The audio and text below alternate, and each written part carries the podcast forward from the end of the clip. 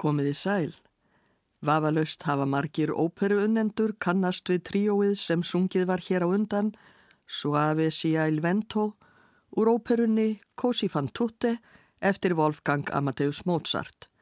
Leontan Price, Tatjana Trojanos og Ezio Flagello sungu, en Erich Leinsdorf stjórnaði nýju filharmoníusveitinni. Í þessu atriði eru sýsturnar Dora Bella og Fjordi Líci og kunningi þeirra Don Alfonso að hveðja Guillermo og Ferrando kærasta stúlnanna sem hafa verið kallaðir í stríð. Það er að mista kosti það sem Dora Bella og Fjordi Líci halda. Það er vit ekki að þetta er allt blekking út af veðmáli á milli Piltanna og Don Alonsos. Don Alonso er sannferður um það að allar konur séu í eðli sínu lauslátar og neytar að trúa Piltunum þegar þeir rósa trygglindi stúlnana sinna.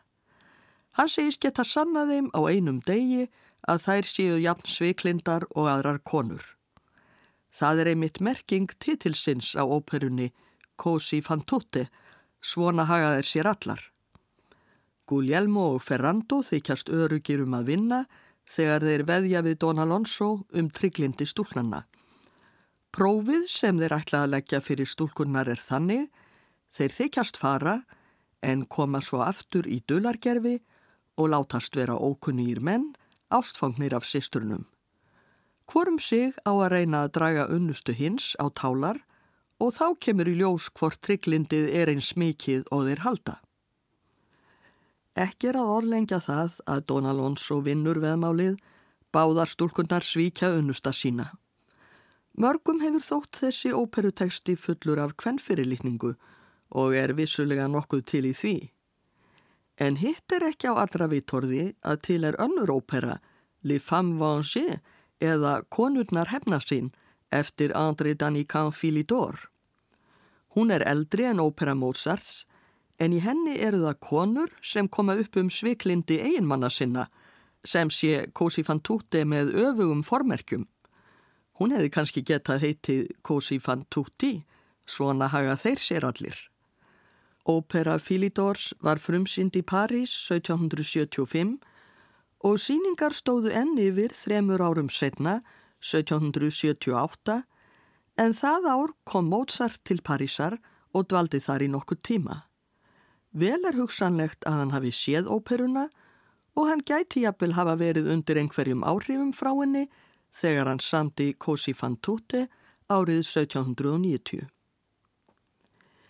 Í þessum þætti verða flutt atriði úr óperunni Konurnar hefna sín eftir Filidor en fyrst skulum við samt hlýða á tvö atriði í viðbót úr Cosi fan tutte.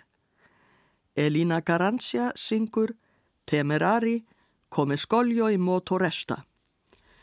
Þessa arju syngur Fjordilíci í fyrsta skipti sem hinn er ókunnugu menn fara á fjörurnar við þær. Hún skipar þeim að hafa sig út og syngur Ég verð staðföst eins og klettur. Já, stúlkurnar ætla að vera unnustum sínum trúar. Þær hafa bara ekki skapstyrk til þess að halda fast við sín góðu áform.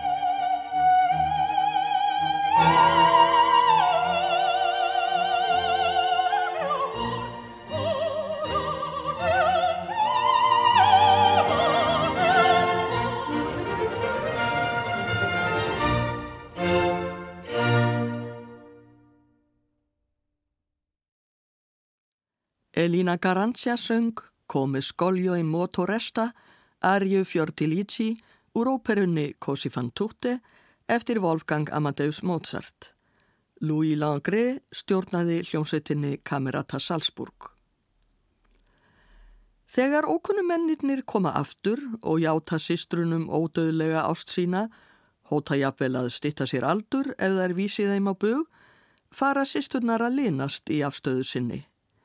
Það er leifamönnunum að komi heimsókn og hugsa sem svo að það sé alveg óhætt að leifa sér smá daður meðan kærastannir eru í burtu.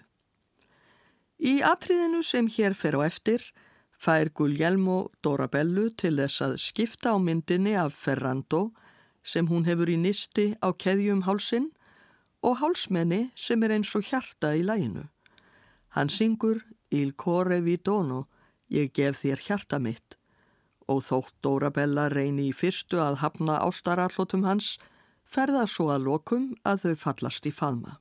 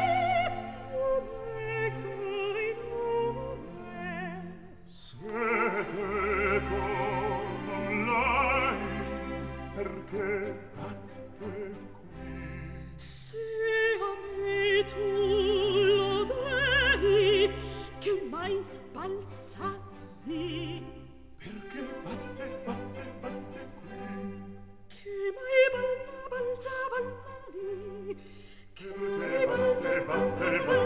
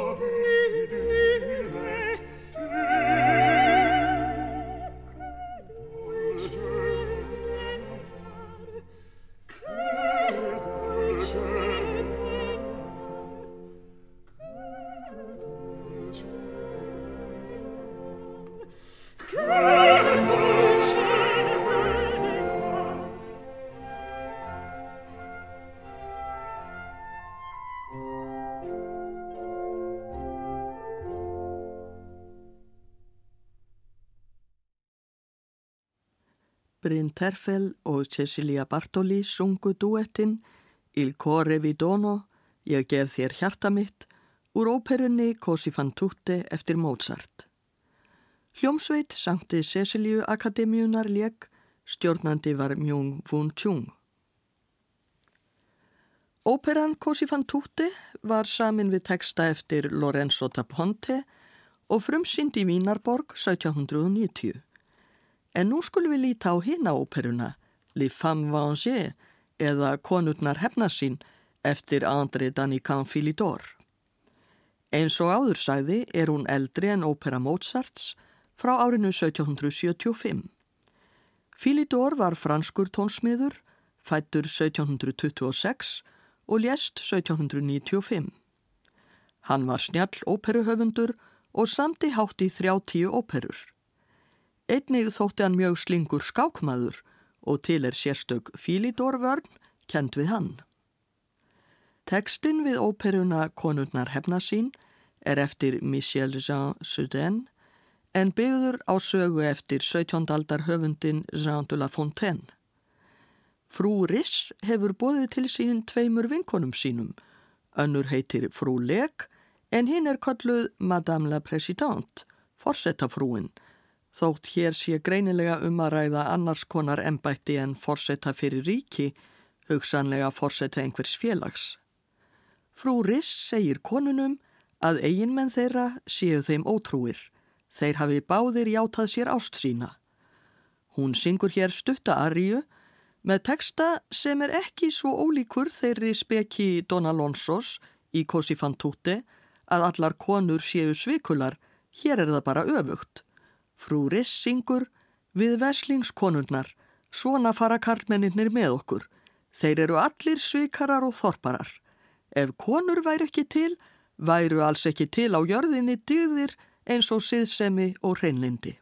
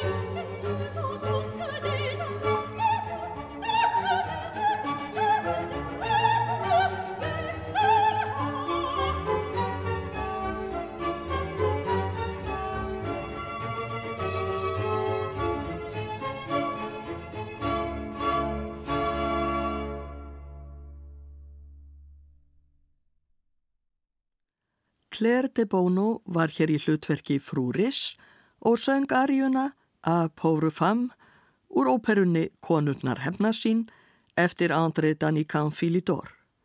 Ryan Brown stjórnaði Lafayette óperuhljómsutinni.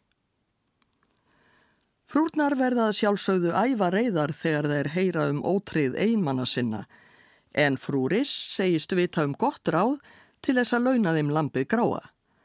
Hún hefur stemt báðum einmannunum til sínum kvöldið og sagt þeim að herra Riss sé ekki heima en í rauninni er hún búin að segja manninum sínum allt saman og hann ætlar að koma skindilega svo að karlanir verði að fela sig. Svo eiga frú Leg og forsetafrúin að koma í heimsókn, herra Riss á að vera einn með kvorri fyrir sig í smá tíma og ját henni ást sína og frúin á að láta sem hún endur gjaldi ást hans. Allt þetta fái karlandnir að heyra í felustað sínum og þá er hægt við að þeir verði meirinn lítið gramir. Í lokinn skuli þessu koma upp um allt saman. Frúrnar samþykja þessa ráðagerð. Í atriðinu sem hér fer á eftir koma herra Leg og forsetin að hitta frúris og þykjast hafa heiminn höndum tekið. En skindilega heyra þau að herra Riss er að koma og karlarnir fela sig í næsta herbergi. Claire de Bono er í hlutverki frúris, tenorsöngvarinn Antonio Figueroa syngur forsetan og baritónsöngvarinn Alex Dobson syngur herra Leg.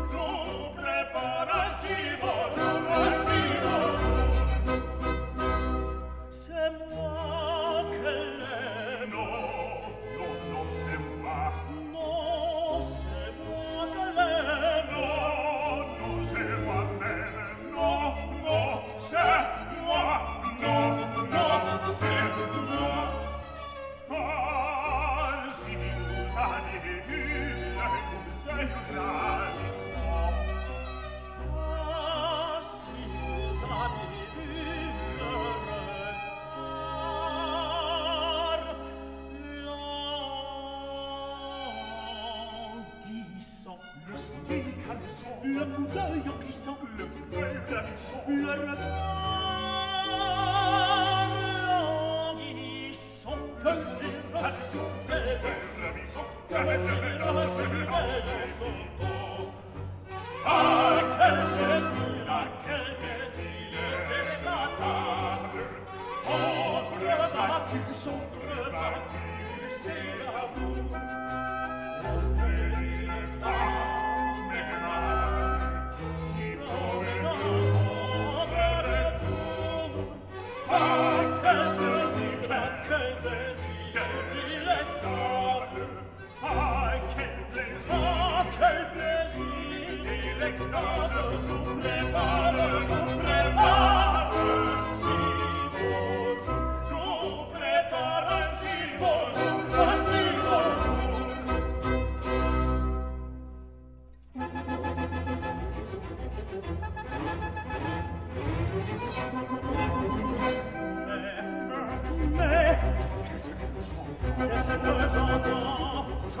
Somebody, somebody, somebody.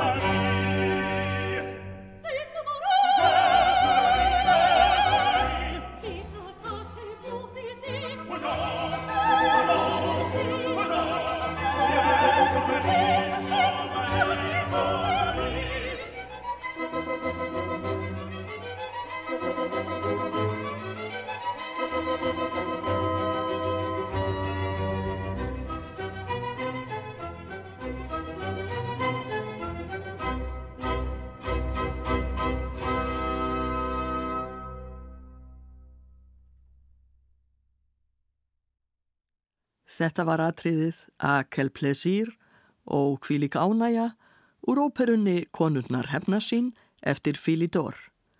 Antonio Figueroa, Alex Dobson og Claire de Bono sungu með Lafayette óperuljómsveitinni, Ryan Brown stjórnaði. Allt fer eins og frúris hefur skipulagt. Herra Lek verður æfa reyður þegar hann heyrir herra Riss fara á fjörurnar við konuna sína og hana láta líklega við hann meðan hann neyðir sjálfur til þess að vera kyrri í hliðarherberginu og hlusta á allt saman. Forsetin reynir að róa herra leg en síðar verður hann jafnreiður þegar ástaratriðið endur tekur sig milli herra Riss og forsetafrúarinnar. Við heyrum nú atriðið þar sem herra Riss gerist ásleitin við frú leg. Það hefst á orðunum vous pleurez, hvað þér grátið. Frú leg lætur sem hún eigi í innri baráttu en sé komin á fremsta hlun með að taka ástum herra Riss og í hliðarherberginu heyrist í herra leg og forsetanum sem fylgjast með öllu. Tenorsöngvarinn Jeffrey Thompson syngur herra Riss, mezzosopransöngkonan Blandín Staskevits syngur frú leg, Antonio Figueroa og Alex Dobson eru í hlutverkum forsetans og herra leg.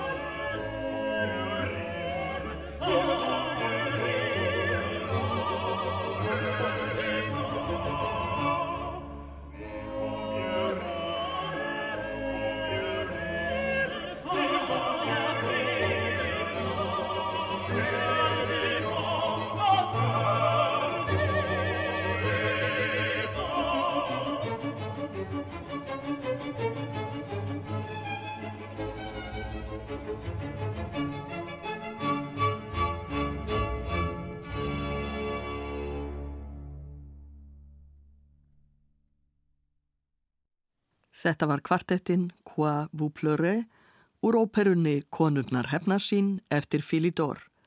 Jeffrey Thompson, Blandin Starskevits, Antonio Figueroa og Alex Dobson sungu, Lafayette, óperuhljómsveitin Leg og Ryan Brown stjórnaði. Þegar herra Riss er búin að gera báða eiginmennina bálvonda með því að þykjast eiga ástafund við konurnar þeirra, láta frúrnar sem þær þurfi að fara.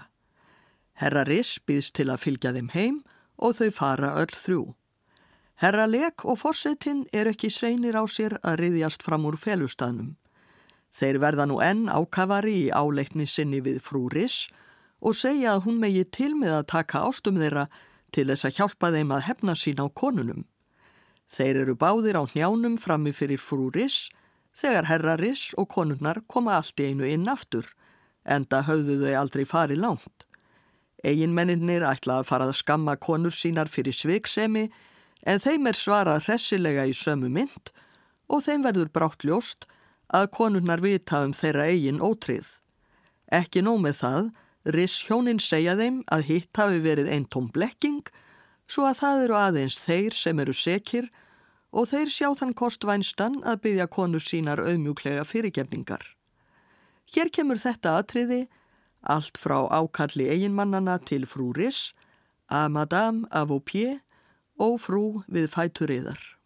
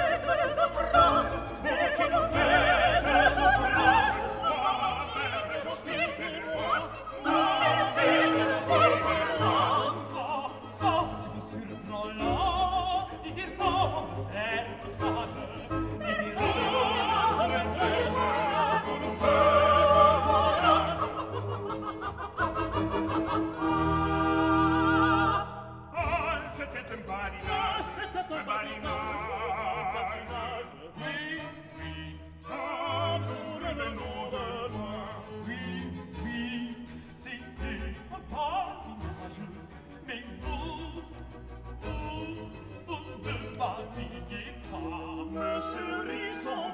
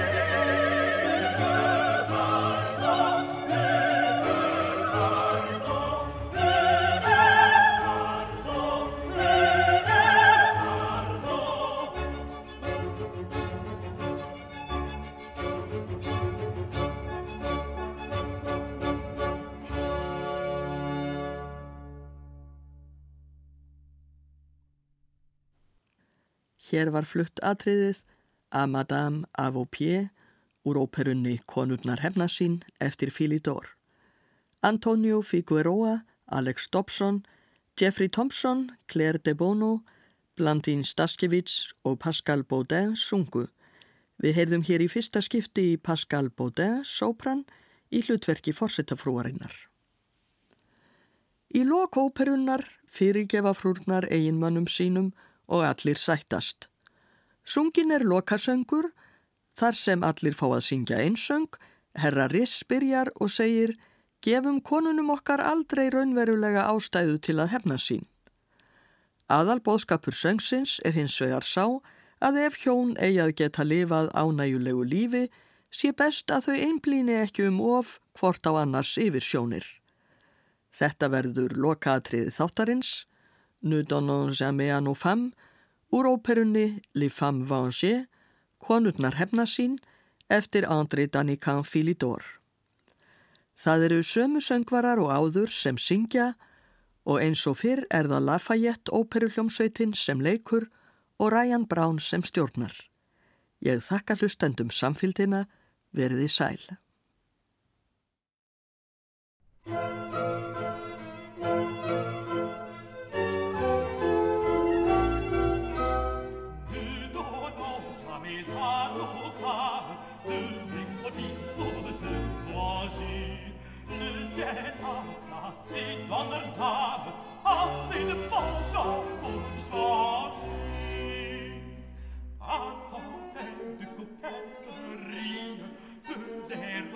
volage mais non agréable la vie il regarde à trop près il regarde à trop près mais